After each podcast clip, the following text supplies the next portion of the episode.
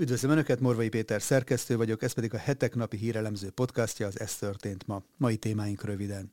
Új, egyre képtelenebb magyarázatok születnek az északi áramlat felrobbantásáról. A hosszú hallgatást követően már az ukrán béka emberek is felbukkantak, miután megjelent egy részletes elemzés arról, hogy a nemzetközi terrorizmusnak minősített szabotázsakciót az Egyesült Államok hajthatta végre. A német védelmi miniszter nem válaszolt arra a kérdésre, hogy milyen következménye lehet annak, ha bebizonyosodik, hogy Németország legfőbb szövetségese, vagy a Leopard tankokkal támogatott Ukrajna a felelős a hatalmas gazdasági károkat okozó támadásért. Orwelli fordulat az Egyesült Királyságban. A törvényhozás betiltotta az abortusz klinikák előtti néma imát. Úgy tűnik, elérkezett a gondolatrendőrség kora. Kulifai Máté lapszerkesztőnek a témában írt véleménycikkét a Mandiner is szemlézte, ebből is idézünk néhány gondolatot. És még egy elképesztő hír Angliából. Úgy látszik, Erzsébet királynő halála után valami végzetesen elszabadult a Szigetországban. Transvestita drag show tartottak egy brit templomban, a helyi lelkész pedig tiltakozás helyett védelmébe vette a programot. A végére pedig egy felemelő hír nőnap alkalmából. Egy 98 éves amerikai nő megláthatta a hatodik generációt is a családjában. Jól hallották, az unokájának dédunokáját tarthatta kezében az idős hölgy. A rendkívüli családi találkozásról fotó is készült. A kép a hetek híroldalán látható. Önök a március 8-ai adást hallják, a nap legizgalmasabb híreit és aktualitásokat a hetek válogatásában, amelyeket a videónk leírásában szereplő linkeken el is olvashatnak, csak úgy, mint a hetek.hu oldalon. Köszönjük, hogy már több mint 27 ezeren feliratkoztak a YouTube csatornánkra, és hogyha esetleg ezt nem tették volna még meg, kérem csatlakozzanak, hogy biztosan értesüljenek a legfrissebb tartalmainkról. Akik pedig szeretnék támogatni további podcastjaink elkészítését, a videó alatti sávban található köszönet gombon tudják ezt megtenni tetszés szerinti összeggel. Előre is köszönünk minden felajánlást, és természetesen a megtekintéseket is. Nézzük akkor témáinkat részletesebben. Be kell várni az északi áramlat orosz földgázvezeték rendszernél történt robbanások ügyében végzett hivatalos vizsgálatok eredményét, mondta a német védelmi miniszter az esetről megjelent sajtóértesülésekről. Boris Pistorius, a Deutschlandfunk országos közszolgálati rádiónak nyilatkozva kiemelte. Elhamarkodott döntés hozna az, aki csupán sajtóértesülések alapján vonna le következtetéseket az Oroszországot Németországgal közvetlenül összekötő vezetékrendszer elleni szabotás akcióról. Ahogy arról beszámoltunk, váratlan fordulat állt be az északi áramlat felrobbantása körüli nyomozásban, miután a New York Times hírszerzési információkra hivatkozva arról írt, hogy egy ukrán barát csoport hajthatta végre a szabotás akciót. Mint mondta, nagy érdeklődéssel olvasta a média jelentéseket, de bevárja, hogy a hivatalos vizsgálati eredmények alapján mi igazolódik be belőlük, ezért nem is foglalkozik olyan úgymond hipotetikus kérdésekkel, hogy az eset miként befolyásolhatja a német kormány és az orosz támadás ellen védekező Ukrajna viszonyát. A Balti-tenger mélyén futó vezetékrendszer elleni robbantások Ukrajnába vezető nyomairól szóló értesülésekkel kapcsolatban a miniszter rámutatott. Az ilyen leleplezésekről kiderülhet, hogy valójában úgynevezett hamis zászlós művelet történt, vagyis az elkövetők szándékosan hagynak maguk után az ellenfélre az északi áramlat esetében Ukrajnára mutató jeleket. Erről a lehetőségről az ügyről szóló sajtójelentésekben is lehet olvasni, tette hozzá a miniszter.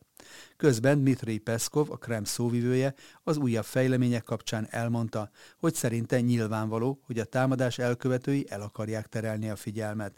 Ez nyilvánvalóan egy irányított szivárogtatás, fogalmazott Peszkov a RIA orosz hírügynökségnek. Hogyan állapíthatnak meg bármit is az amerikai illetékesek vizsgálat nélkül, vetette fel a kérdést.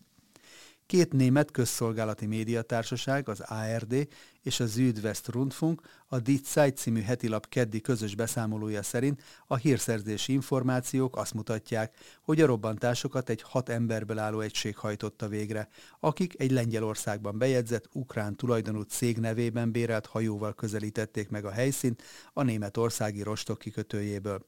A hajó kapitányából, két búvárból két búvár asszisztensből és egy orvosból álló egység tagjainak állampolgársága ismeretlen, mert hamisított útleveleket használtak. Azt sem tudni, hogy kiadott megbízást a robbantásokra. A The New York Times című amerikai lap szerdán ugyancsak hírszerzési forrásokra hivatkozva arról írt, hogy egy ukrán barátcsoport hajtotta végre az akciót. A vezetékrendszer két vezetékpárjából, az északi áramlat 1 és az északi áramlat 2, mindkettő évi 55 milliárd köbméter gáz továbbítására alkalmas. A négy vezetékből három rongálódott meg a 2022. szeptemberének végén elkövetett robbantásokban. Néhány nappal később, október 3-án a Gazprom orosz állami energetikai társaság közölte, hogy technikai szempontból lehetséges a szállítás megindítása az északi áramlat 2B jelű vezetékszálán, és már csupán egy hivatalos német hatósági megerősítés szükséges ahhoz, hogy ez a lehetőség megvalósuljon. A német kormány azonban elutasította az orosz kezdeményezést.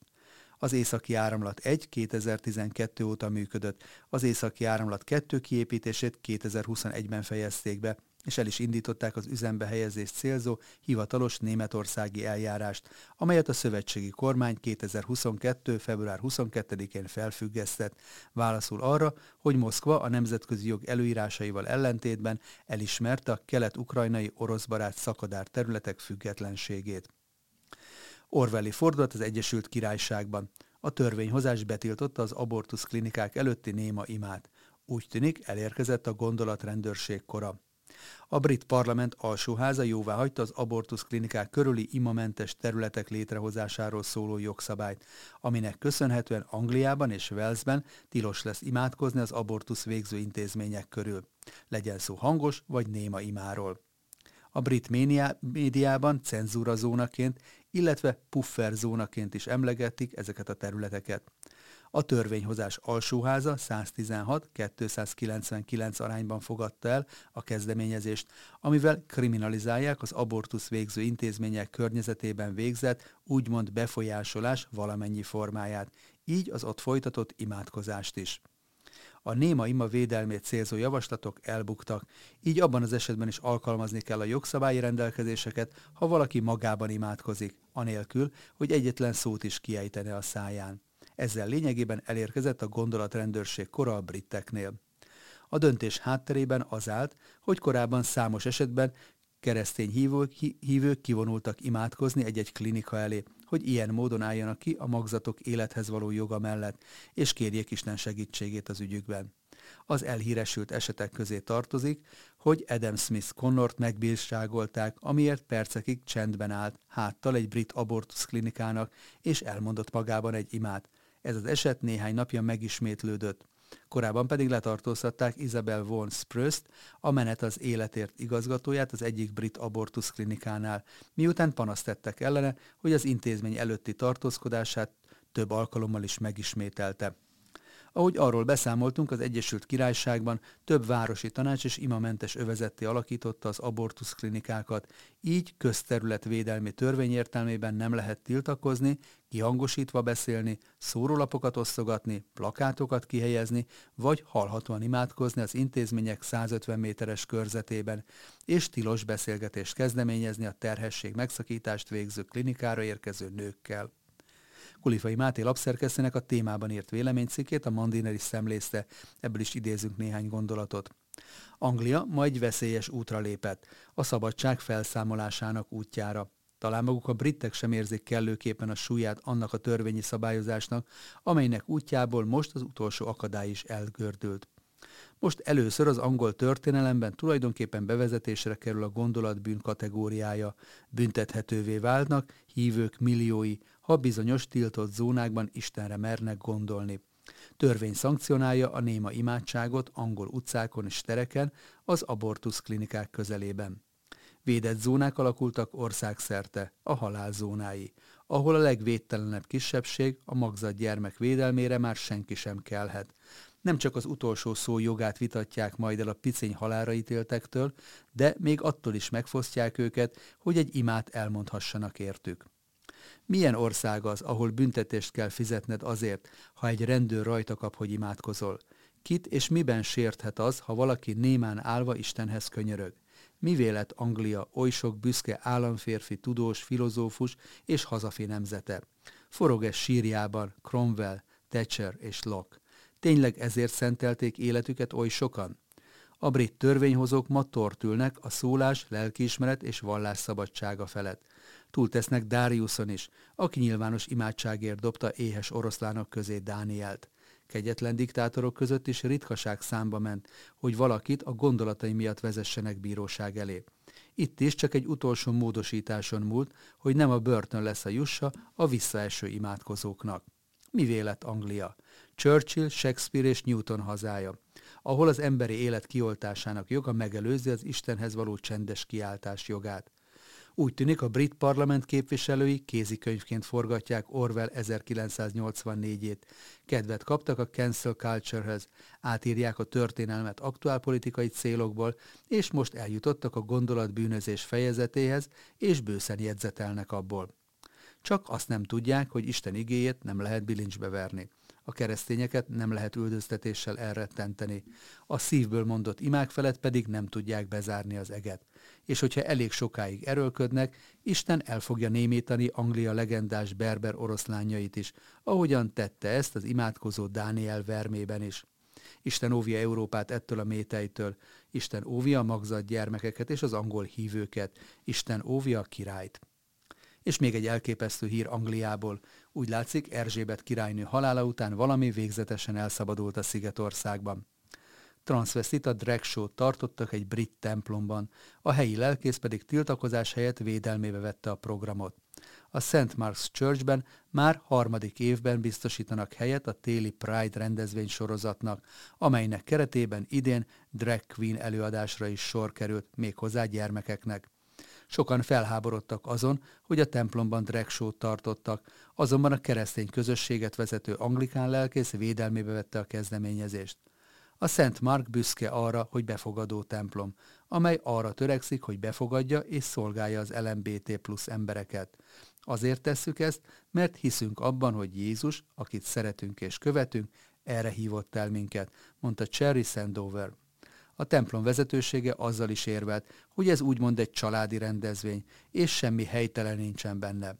A Kempsfordi egyházmegye közleményében tudatta, hogy tisztában vannak vele, hogy a drag queenek általában szexuálisan túlfűtött tartalmú performance adnak elő, de szerintük a templomi produkcióban ilyen nem volt. Minden esetre vizsgálatot indítottak, mert az előadás némelyik tartalma aggodalommal töltötte el őket, és többeket felháborított, hogy drag queen performance-ra került sor a templomban. A Christian Concern nevű szervezet egyik vezetője szerint viszont keresztényként nem csak az a feladata a hívőknek, hogy befogadják az embereket a közösségükbe, hanem az is, hogy bátorítsák őket, hogy kövessék a szentségre, tisztaságra és alapvető erkölcsre vonatkozó keresztény követelményeket az nem a befogadásról szól, ha támogatják, hogy drag queenek adjanak elő gyerekek előtt, hanem arról szól, hogy megpróbálják beléjük nevelni ezt, és normalizálni a nem keresztényi viselkedést, tette hozzá a szervezet vezetője Tim Dipp. A végére pedig egy felemelő hír nőnap alkalmából. Egy 98 éves amerikai nő megláthatta a hatodik generációt is a családjában. Jól hallották, az unokájának a déd unokáját tarthatta kezében az idős hölgy. A rendkívüli családi találkozásról fotó is készült, a kép a hetek híroldalán látható. Egy kentaki nő nemrégiben találkozhatott az ük-ük-ük unokájával, és egy különleges fotón mind a hat generáció szerepelt. Médel Taylor Hawkins a mindössze 7 hetes ük-ük-ük unokáját is kezében tarthatta, amely esemény nagyon kevés családban adatik meg. A találkozásról készült fotón szerepelt Maydell, a lánya, az unokája, a dédunokája és az ük unokája is. Hat élő generáció, írta a fotóról Facebook oldalán Maydell unokája. A rendkívüli találkozót nem volt egyszerű összehozni a család női tagjainak, hiszen három különböző amerikai államban élnek. Médel Hawkins 16 évesen házasodott és 13 gyermeket szült. A családban általában korán házasodtak és vállaltak gyereket a nők. Mindannyian 19 éves koruk előtt adtak életet az első gyermeküknek. A 98 éves nőnek így összesen 106 unokája, 222 dédunokája, 234 ükunokája és 37 ük-ükunokája van. Médel idén nyáron találkozhat a harmadik ük-ük unokájával is, aki júniusban fog megszületni, és ebből az alkalomból is készít majd közös fotót a család. Ezúttal is jó egészséget kívánunk neki, és sok boldogságot a csodálatos családjához. Nos, ennyi fér bele mai ajánlónkba. Morvai Pétert hallották az Ez történt ma mai adásában. Holnap is várom Önöket aktuális hírekkel, ajánlókkal, és hogyha szeretnének ezekről az új adásainkról biztosan értesülni, akkor kérem iratkozzanak fel a hetek YouTube csatornájára, ahogyan ezt már több mint 27 ezeren meg is tették, amit ezúton is nagyon köszönünk. A hetek online előfizetői pedig a lap teljes archívumát is elérik az aktuális lapszám mellett. Viszont hallásra szép napot és szép estét kívánok mindenkinek!